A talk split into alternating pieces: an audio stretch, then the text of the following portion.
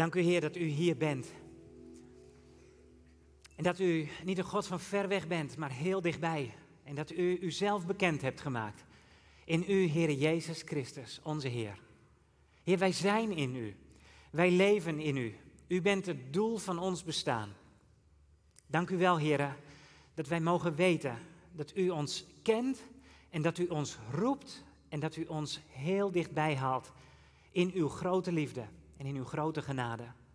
Heer Jezus, u bent het levende woord dat van de hemel is neergedaald. En u bent hier. Heere, spreek tot onze harten. Als wij uw woord openen, leid ons door uw geest en verander ons, Heer.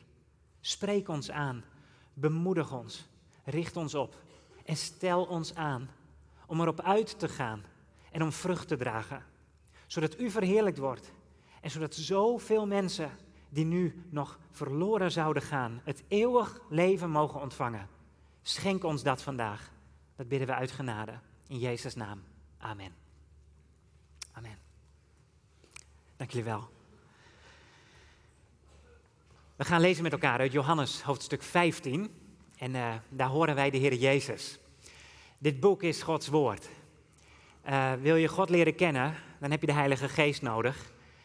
En wij leren aan de hand van Gods woord dat het de Heilige Geest is die dit boek voor ons wil opendoen. En als je dit boek dan leest, dan merk je, oké, God spreekt door tientallen schrijvers. Maar er zijn een viertal schrijvers die elk het evangelie, het goede nieuws, onder woorden hebben mogen brengen. En daarin de woordelijke, letterlijke verslagen van de Heer Jezus hebben opgenomen. En ik moet zeggen, ik vind het altijd nog een stapje extra als wij dan in de evangelie ook gewoon kijken naar wat de Heer Jezus letterlijk zei tegen zijn vrienden. Dus we gaan luisteren naar Gods woord. Stel je hart daarvoor open en weet dan dat het in dit geval ook nog de directe stem is van onze Heer Jezus Christus, die met zijn vrienden een goed gesprek heeft. Jezus zegt, ik heb jullie lief gehad, zoals de Vader mij heeft lief gehad. Blijf in mijn liefde. Je blijft in mijn liefde als je je aan mijn geboden houdt, zoals ik mij ook aan de geboden van mijn Vader gehouden heb en in zijn liefde blijf. Dit zeg ik tegen jullie om je mijn vreugde te geven. En dan zal je vreugde volkomen zijn. Mijn gebod is dat jullie elkaar lief hebben, zoals ik jullie heb lief gehad. Er is geen grotere liefde dan je leven te geven voor je vrienden. Jullie zijn mijn vrienden wanneer je doet wat ik zeg. Ik noem jullie geen slaven meer, want een slaaf weet niet wat zijn meester doet. Vrienden noem ik jullie, omdat ik alles wat ik van de Vader heb gehoord aan jullie bekendgemaakt heb. Jullie hebben niet mij uitgekozen, maar ik jullie. En ik heb jullie opgedragen om op weg te gaan en vrucht te dragen. Blijvende vrucht. Dan zal de Vader je alles geven wat je hem in mijn naam vraagt. En dit draag ik jullie op. Heb elkaar lief. Woorden van de Heer Jezus. Um, in een aantal hoofdstukken, een aantal maanden geleden sprak ik met jullie uit Johannes 14. En in de maanden die voor ons liggen, zal ik, als ik spreek over wie de persoon van de Heilige Geest is, in het jaar dat voor ons ligt, ook met grote regelmaat putten uit deze hoofdstukken. Maar misschien is dit wel van dat hoogtepunt, 14, 15, 16, 17 van Johannes, weer het hoogtepunt. Dat Jezus zijn vrienden aankijkt en zegt, jongens, morgen sterf ik. Morgen sterf ik. Jullie weten het niet. Je hebt geen idee wat je boven de pet hangt. Maar voordat het zover is, ik ga nog één stapje verder met jullie. Jongens, ik noem jullie niet langer slaven. Ik noem jullie mijn vrienden. Ik wil dat jullie alles weten. Ik wil jullie alles bekendmaken. Dat is namelijk wat vrienden doen. Vrienden zijn op de hoogte. Jezus zegt hier tegen zijn vrienden: Ik noem jullie vrienden, omdat ik jullie alles heb bekendgemaakt. Wat mijn vader mij te zeggen heeft gegeven. Jullie kennen mijn hele plan.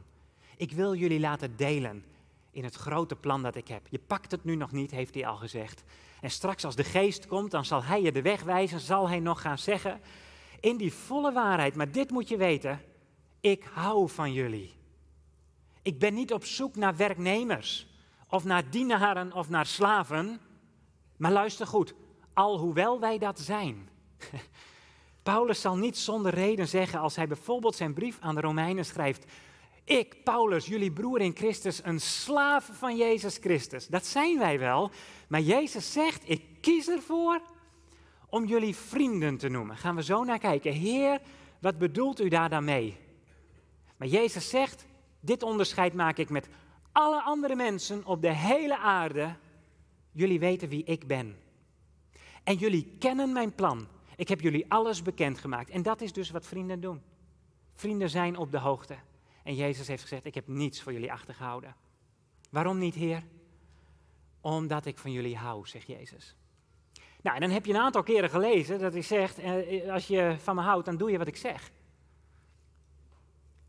Jullie zijn mijn vrienden als je luistert naar mijn woorden.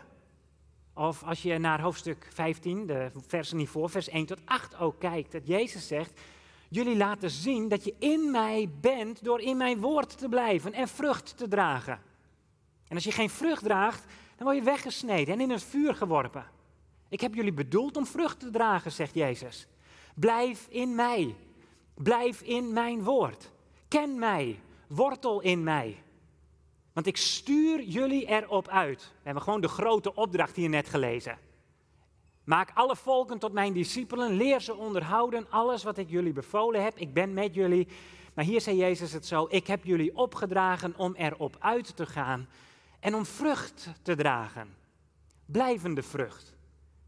Dat betekent dus dat Jezus vandaag ook tegen jou zegt: Ik hou zoveel van je. Ik heb zoveel liefde. Je gaat zozeer het van mij ontvangen dat het niet anders kan dan dat jij gaat overstromen. En dat je het wel van de bergen wilt schreeuwen. En door de straat wilt gaan. En wilt zeggen: Weet je wel dat Jezus leeft? Dat er hoop is. Dat er eeuwig leven is. Dat the best is yet to come. De hemel komt eraan, want Jezus komt eraan. En alles wat we zien, Hij heeft het ons bekendgemaakt. Als Zijn geest in je is, dan weet je, oh Heere God, soms twijfel ik. Soms zie ik het even niet zitten. Soms denk ik, Heer, waar is het leven? Waar bent u? En dan grijp ik misschien wel naar mensen en dan zeggen ze, jij moet het me geven. Ik verwacht dit en ik verwacht dat, maar we hebben God nodig. En dan zegt Jezus weer, ik ben er. Ik ben er. Twee weken geleden keken we naar een statement van een dode zee voor wie erbij was. En we hebben gezien met elkaar, er is honger in deze wereld en er is dorst in deze wereld. En God laat het ons fysiek en letterlijk ervaren. Omdat Hij weet, je gaat niet dood door een gebrek aan brood. Of door een gebrek aan water. Ja, je lichaam kan het begeven. Maar je sterft pas echt als er geen liefde meer is. We hebben naar Abraham gekeken en ontdekt, God, u zegent ons in Abraham. En we hebben zelfs eeuwig leven gekregen. Vorige week keken we naar de troonzaal, waar Jesaja God ontmoette. Heilig, heilig, extreem heilig bent u, Heer.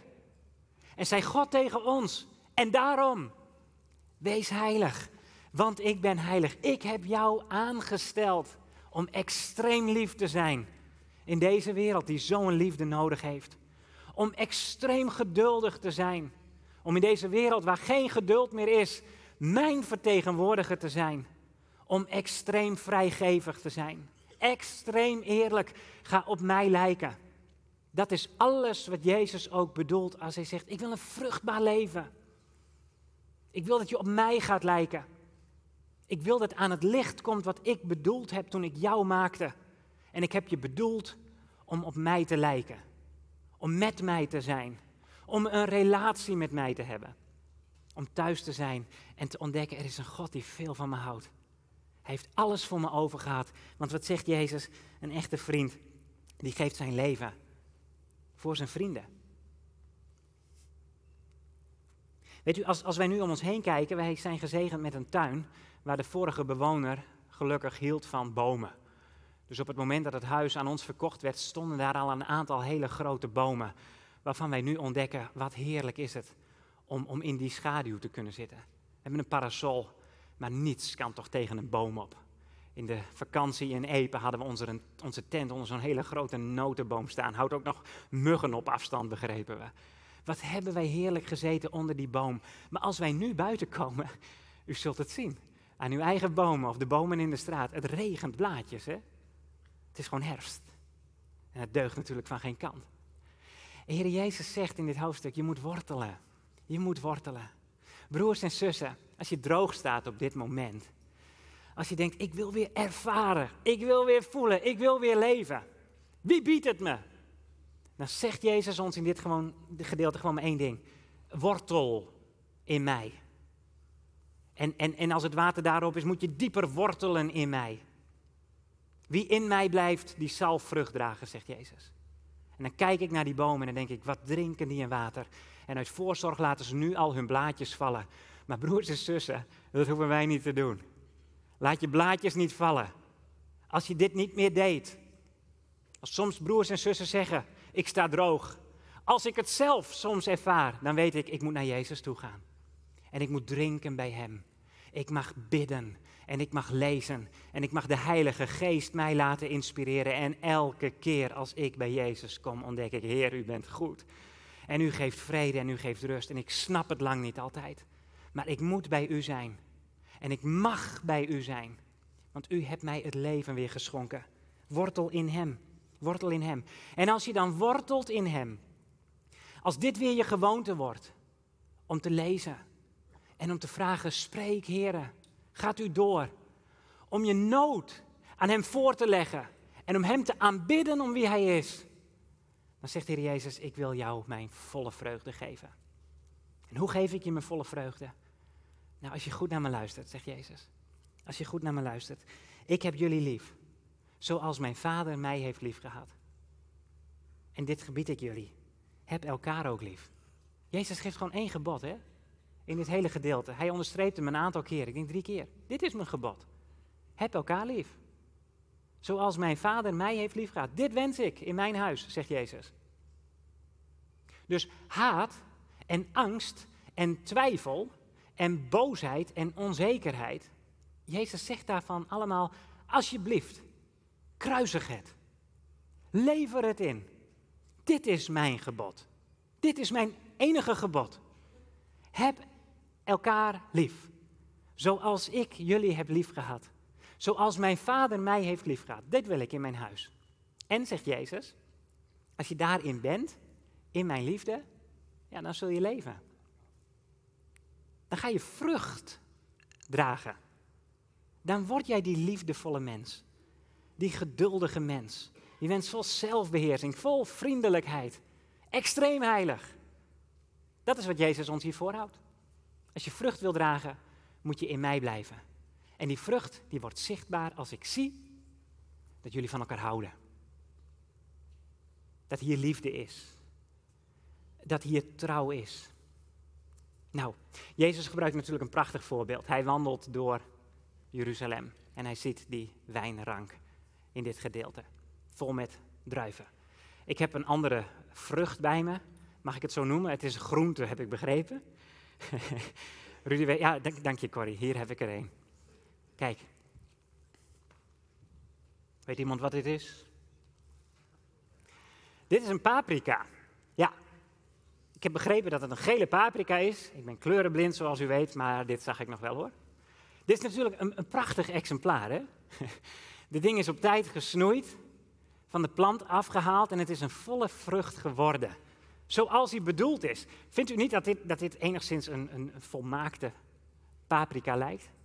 Gisteren nog gehaald. Perfect. Zo willen we ze hebben, toch? Zo moeten we ze hebben. Amen? Nee, niet amen. Excuus. Ik heb nog andere paprika's bij me, die wil ik u ook laten zien. Mijn vrouw, Leonie, zei me van de week, heb je wel eens buitenbeentjes gehaald? Kent u die ook? Kijk. De buitenbeentjes staat hierop. Dit is ook een zak vol met paprika's. Ik haal er even eentje uit.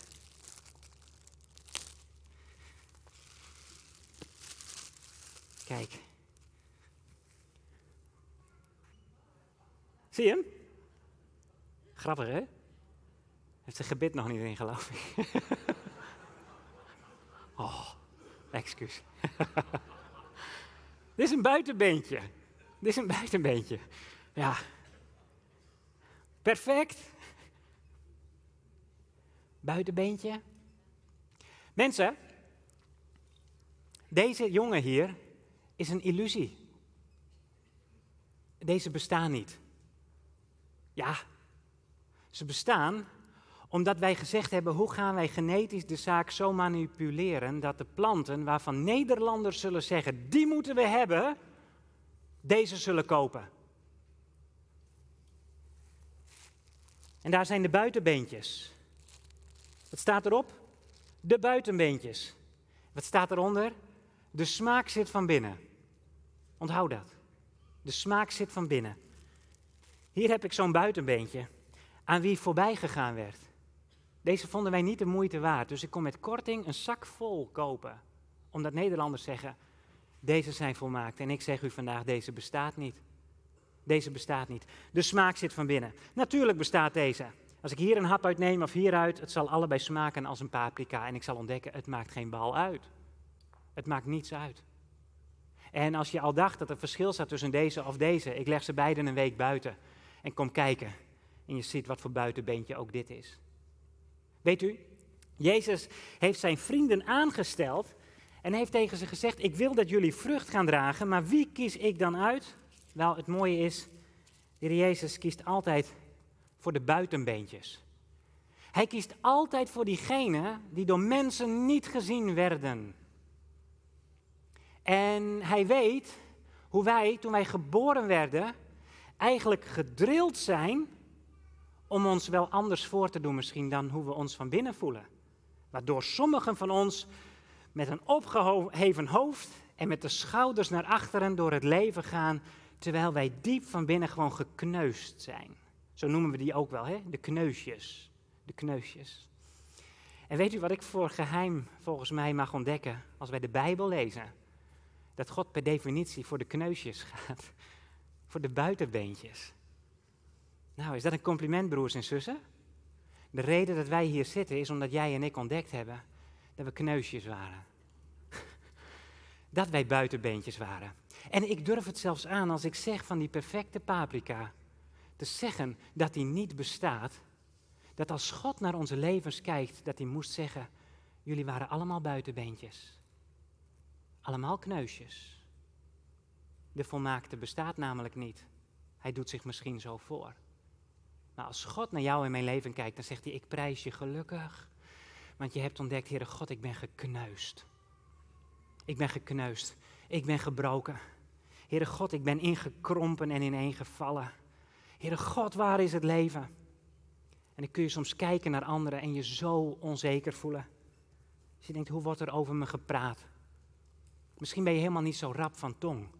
Misschien ben je een beetje, een beetje ingetogen en wordt er altijd over je heen gewalst. En zijn het altijd anderen die vooraan staan.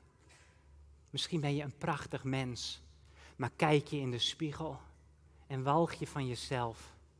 Omdat je zo vol gekneusdheid, gebrokenheid. Dat je denkt, Heere God, wie ziet mij dan? Ik zal nooit shinen. Dat je het niet gemaakt hebt. Dat er over jou gekletst en gesproken en geroddeld wordt. En dat je denkt, laat mij maar vergaan. Ik ben een kneusje. Om te ontdekken, de Heer Jezus komt in jouw leven. En die zit hier met zijn vrienden. En wie heeft Jezus dan wel uitgezocht? Waren het de professoren? Waren het de geleerden? Waren het de koningen en koninginnen? Waren het de machthebbers? Waarvan Jezus, toen hij naar deze wereld kwam, zei: Moet je eens even luisteren. Ik ben de zoon van God. Ik ben de schepper van hemel en aarde. Jullie hebben het gemaakt in de maatschappij en ik weet dat jullie invloed hebben. Ik ga jullie gebruiken, potentaten als jullie zijn. Geleerden als jullie zijn, met aanzien van heb ik jou daar. Weet je, als Jezus naar deze wereld komt, waar gaat hij niet in Den Haag wonen?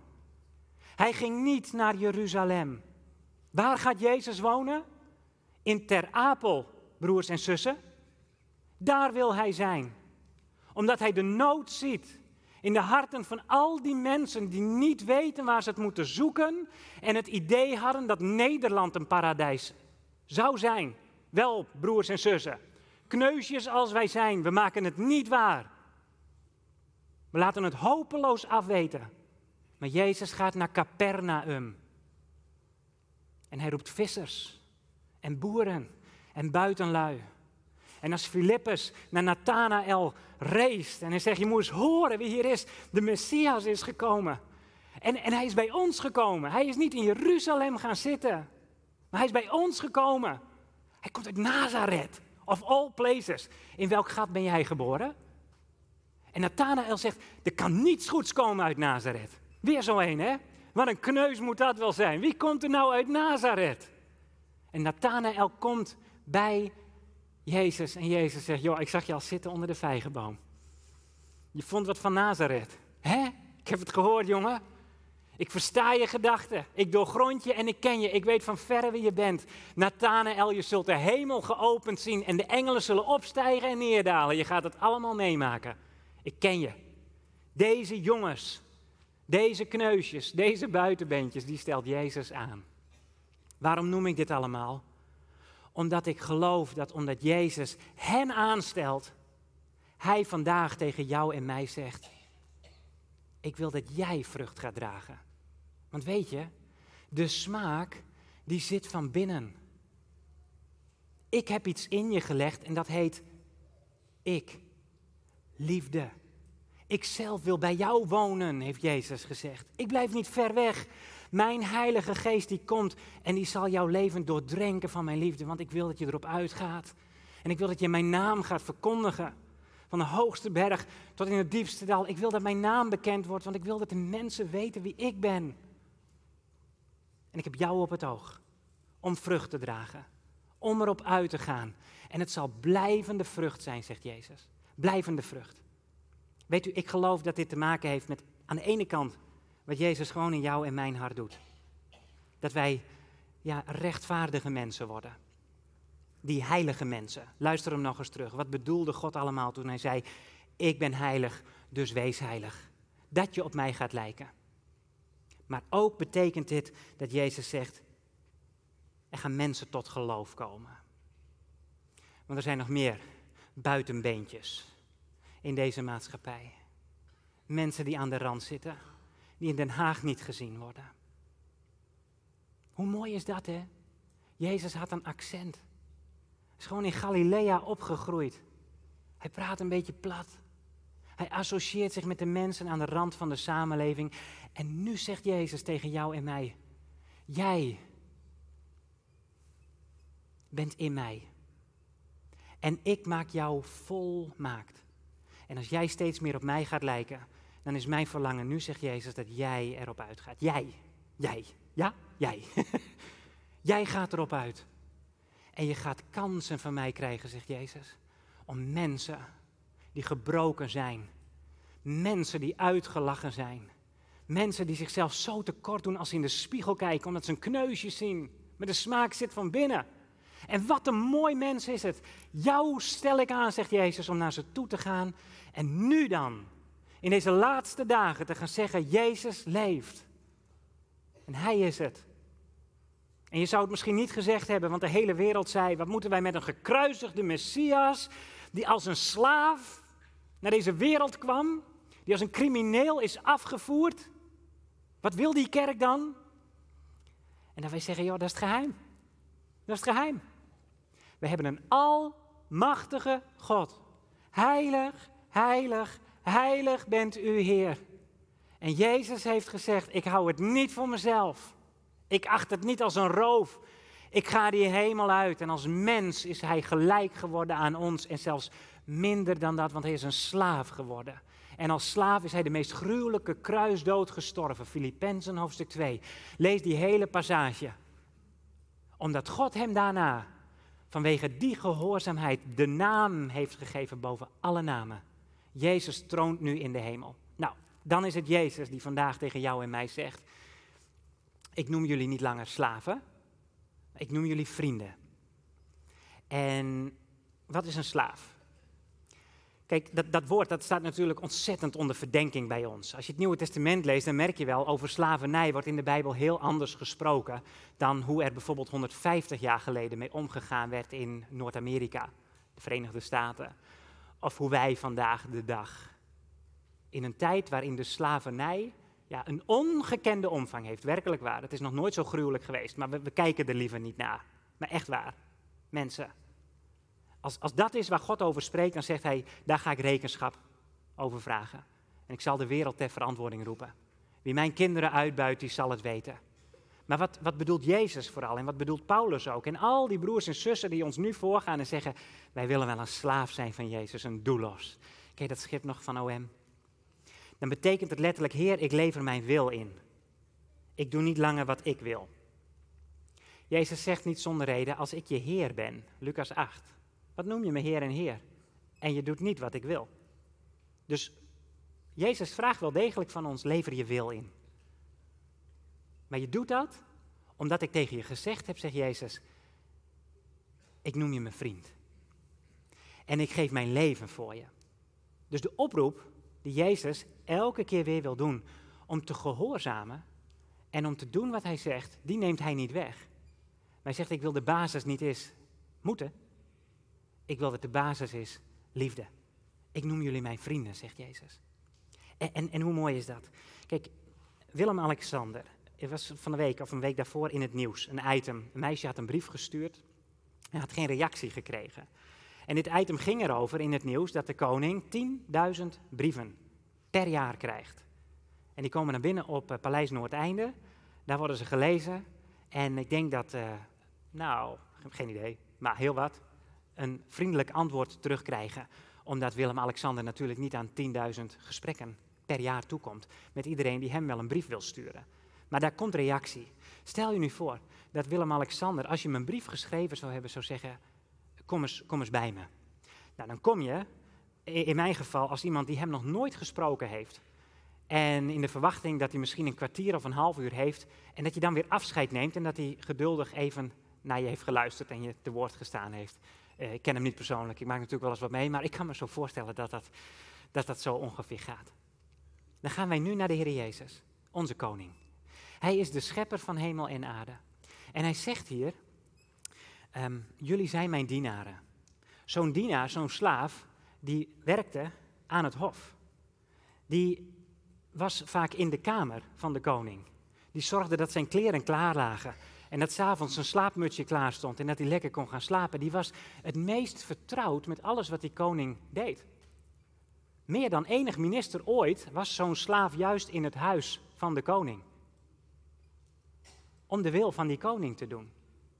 Dan is het nu de schepper van hemel en aarde, de koning der koningen, die zegt: Ik krijg 10.000 brieven per seconde. En het aantal verzoeken per jaar dat aan mijn adres wordt gedaan. En wij zouden denken, wordt u daar nooit moe van, Heer? Nee, ik sluimer nog slaap, zegt de Heer. Ik slaap nooit. Hebt u uw handen daar niet vol aan, Heer? Oh, je moest eens weten hoe groot mijn handen zijn. Maar weet je, jouw leven ligt in mijn hand. Ik ben met jou bezig.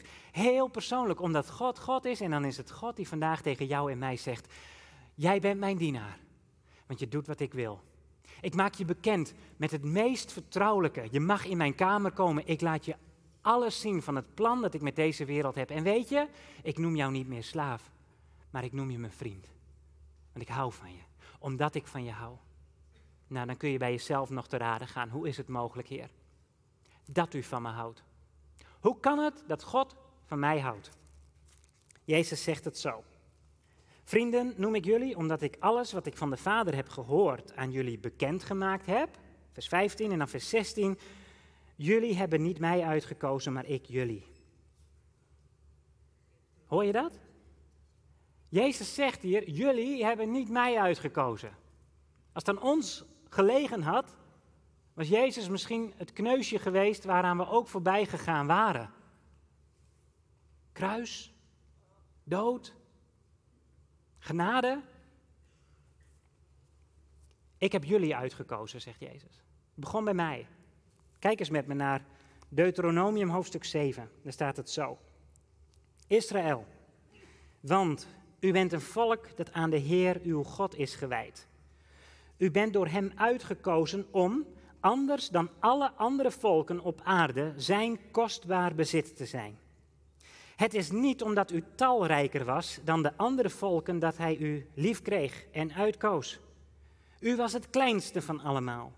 Maar omdat Hij u lief had en zich wilde houden aan wat Hij uw voorouders onder Ede had beloofd, heeft de Heer u met sterke hand bevrijd uit de slavernij, uit de macht van de farao, de koning van Egypte. Besef dus goed, alleen de Heer, uw God, is God. En hij houdt woord. Hij komt zijn belofte na en is trouw aan ieder die hem lief heeft en doet wat hij gebiedt tot in het duizendste geslacht. Maar ieder die hem haat, zal daarvoor boeten met zijn leven. De Heer zal hem niet laten begaan. Hij laat hem persoonlijk boeten. Neem daarom de geboden, wetten en regels die ik u vandaag voorhoud, zorgvuldig in acht. Zie je wat God hier zegt? Israël, gemeente van Jezus Christus, het is niet omdat je groter was. Het is niet omdat je perfect was. Het is niet omdat je een mooier voorkomen had of een hogere studie had gedaan, hoe mooi de zegen van al die dingen die ik wil geven ook kan zijn. Daar was het niet om, zegt God. Maar waarom? Waarom hou ik van je, Israël? Waarom hou ik van jou, zegt Jezus vandaag tegen jou? Omdat ik van je hou. Is dat de cirkelredenering? Jazeker. God houdt van je omdat Hij van je houdt. Ik heb geen flauw idee wat God beweegt om te zeggen: ik kies Jacob Volkerts. Maar ik weet dat het puur en alleen is omdat God van me houdt. En omdat God van jou houdt. Zoveel dat hij zijn eigen leven heeft gegeven, omdat hij wist, je gaat verloren. Ik denk dat er een, een, een geheimenis dus in ligt. Dat als God laat zien, wie zijn het die dit begrijpen? Jij en ik allemaal tot de ontdekking kwamen, ik ben verloren. Ik ben een buitenbeentje. Ik kom dat koninkrijk niet binnen. Ik moet mijn hand ophouden en zeggen: Help, Heere, help. En Jezus zegt: Dat is het enige wat ik moest horen. Ik kom en ik zal je redden, want je bent geen kneusje. En je bent geen buitenbeentje. Je wordt een dochter van God. Je wordt een zoon van God, de Allerhoogste. Ik zal je aanstellen, ik zal je in ere herstellen, ik zal je nieuw leven geven. Waarom? Omdat ik van je houd. Je was de kleinste van allemaal. Ik hou van je. Laat het een bemoediging zijn. Lieve zus, lieve broer, God houdt van je omdat Hij van je houdt. Dit is zo bevrijdend. Snappen we het? Lang niet alles. Maar het bevrijdt. Want, want je hoeft nergens meer in eigen kracht aan te voldoen. Kijk, toen, toen wij trouwden, toen kon ik Leonie een, een grote, volle haardos laten zien. En nu zie ik mezelf dankzij die camera soms op de rug. Dan denk ik, dat is voorbij. dat is voorbij. En, en het sixpack is tegenwoordig wel eens wat verstopt. en daar kun je nog wat aan doen dankzij een applicatie op je telefoon misschien. En soms dan neem ik me dat weer voor. Maar ach, mensen, waar hebben we het over?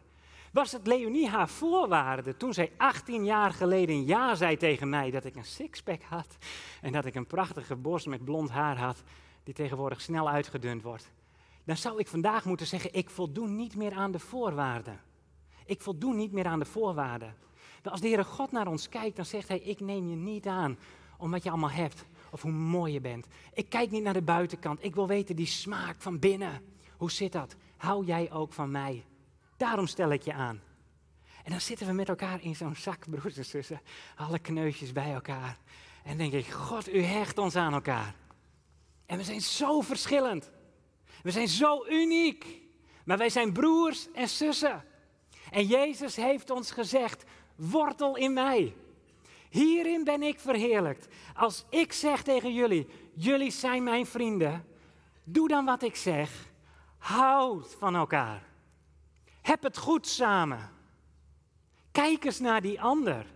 Je was zo snel met je oordeel. Soms hebben we maar een halve tel gekeken en we weten, oh, dat is er zo één broers en zussen. Als onze naam, als onze kleur, Als onze uiterlijk. Als al die aspecten zo doordrenkt zijn in deze maatschappij waarop we elkaar soms afrekenen. En dan moeten we toegeven, we doen het gewoon niet goed als land. En soms merk ik het in de gemeente.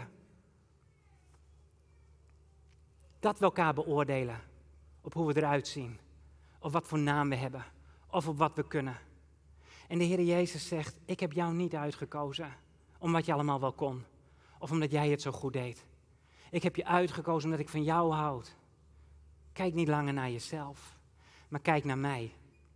Weet je dat je misschien weer eens aan dat bandje kunt denken waarop staat: What would Jesus do? Als je in je klas meemaakt bijvoorbeeld dat er over een klasgenootje gelachen wordt, dat er grapjes gemaakt worden. Dat jij kunt zeggen als scholier: Ik doe er niet aan mee. Ik hoef niet mee te lachen ten koste van iemand anders. Ik wil een verschil maken. Het kan betekenen dat jij een buitenbeentje wordt. So be. De heer Jezus werd een buitenbeentje. Hij werd naar buiten geworpen. Maar hij ging daar in Ter Apel wonen. En niet in Den Haag, waar het wel zou gebeuren. Dat jij en ik op de plek waar God ons heeft gesteld om ons heen kijken en zeggen: God, laat me de buitenbeentjes zien. U hebt mij opgericht. U bent in mij iets heerlijks begonnen. Geef mij oog en geef mij hart voor al die buitenbeentjes. Zodat Gods liefde in jou kan komen. En dat God jou aanstelt om erop uit te gaan en te zeggen: Mag ik even door die buitenkant heen prikken? Ik wil met jou over Jezus praten. Je gaat verschil maken. Je gaat zijn namens Jezus degene die Hij wil dat je bent. Een kind van God. En niet langer een buitenbeentje, maar een burger van de hemel. Die samen met Jezus hier vandaag op deze aarde mag staan en mag zeggen: Ja, mensen, wat voor ogen is, het gaat voorbij. En de schepping zucht als in barensweeën. Maar wij hebben hoop, want wij verwachten onze Heer Jezus Christus. En Hij wil een grote oogst binnenhalen. De velden zijn wit om te oogsten. Als je kijkt naar wat je mag zijn voor de mensen om je heen, dan stelt God je ook een vraag. En wie wil jij dan zijn in mijn gemeente? Daar woont mijn liefde. En dan, dan wil ik je na laten denken over de vraag samen met de Heer, Heere God. Ik ga niet nadenken over de vraag wat ga ik doen het komend seizoen, omdat er een bepaalde nood zou zijn. Stel de Heere God de vraag: Heere God, welke gave, welk talent hebt u me gegeven? En wie ben ik dat ik dit mag gaan doen in uw huis? Dat u mij aanstelt om met kinderen te gaan praten over wie u bent om muziek te gaan maken, om te gaan dienen in een herberg.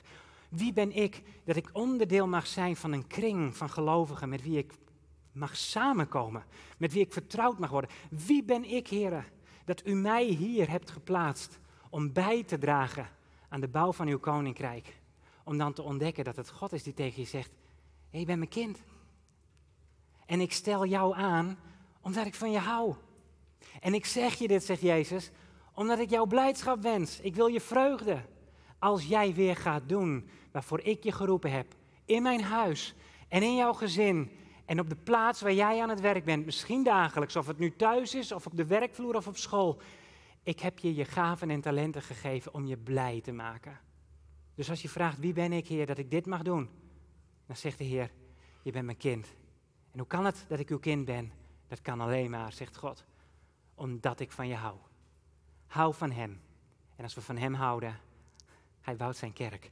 En we gaan veel van elkaar houden. Buitenbeentjes als we waren. Burgers van het koninklijk hemelrijk als we zijn. In Jezus' naam. Amen. Zullen we bidden? Vader, dank u wel dat we hier mogen zijn. Dank u wel, Heer, dat u alles altijd omkeert. Heere God, dat u zo creatief bent. Dat wat wij vanzelfsprekend vonden, door u op de kop gezet wordt. Zodat wij vandaag mogen weten met elkaar. We zijn gekocht en we zijn betaald met het bloed van uw Zoon, de Heer Jezus Christus. Omdat u van ons houdt. Omdat u niet wenste dat wij verloren zouden gaan. En Heere God, wij staan op de belofte van uw woord. Ik bid u, Heer, werk dit uit. In onze harten. Laat ons vol zijn van uw liefde. Ik bid u voor iedereen, Heer Jezus, die is gestopt met drinken. Dat wij weer zullen wortelen in u. Stort uw geest uit. Geef ons een verlangen naar de Bijbel, om uw woord, om uw stem te leren verstaan. Schenk ons uw gaven, om vreugde te ontvangen en om vreugde uit te delen. Heer Jezus, ik bid u dat uw blijdschap en uw liefde onze harten zo zullen vervullen, dat wij een groot verschil zullen maken. En dat er veel vrucht uit voort mag komen. Dat uw liefde zal worden gezien, zal worden geproefd door de mensen om ons heen. En dat mensen tot geloof zullen komen, gered voor de eeuwigheid. Doet u dat, Heer. U bouwt uw kerk en geef een verlangen om u te dienen met alles wat u schonk en bouwt u uw huis. Hier en overal, Heer Jezus, waar uw naam en waar uw woord wordt verkondigd. Uit genade. Halleluja. Amen.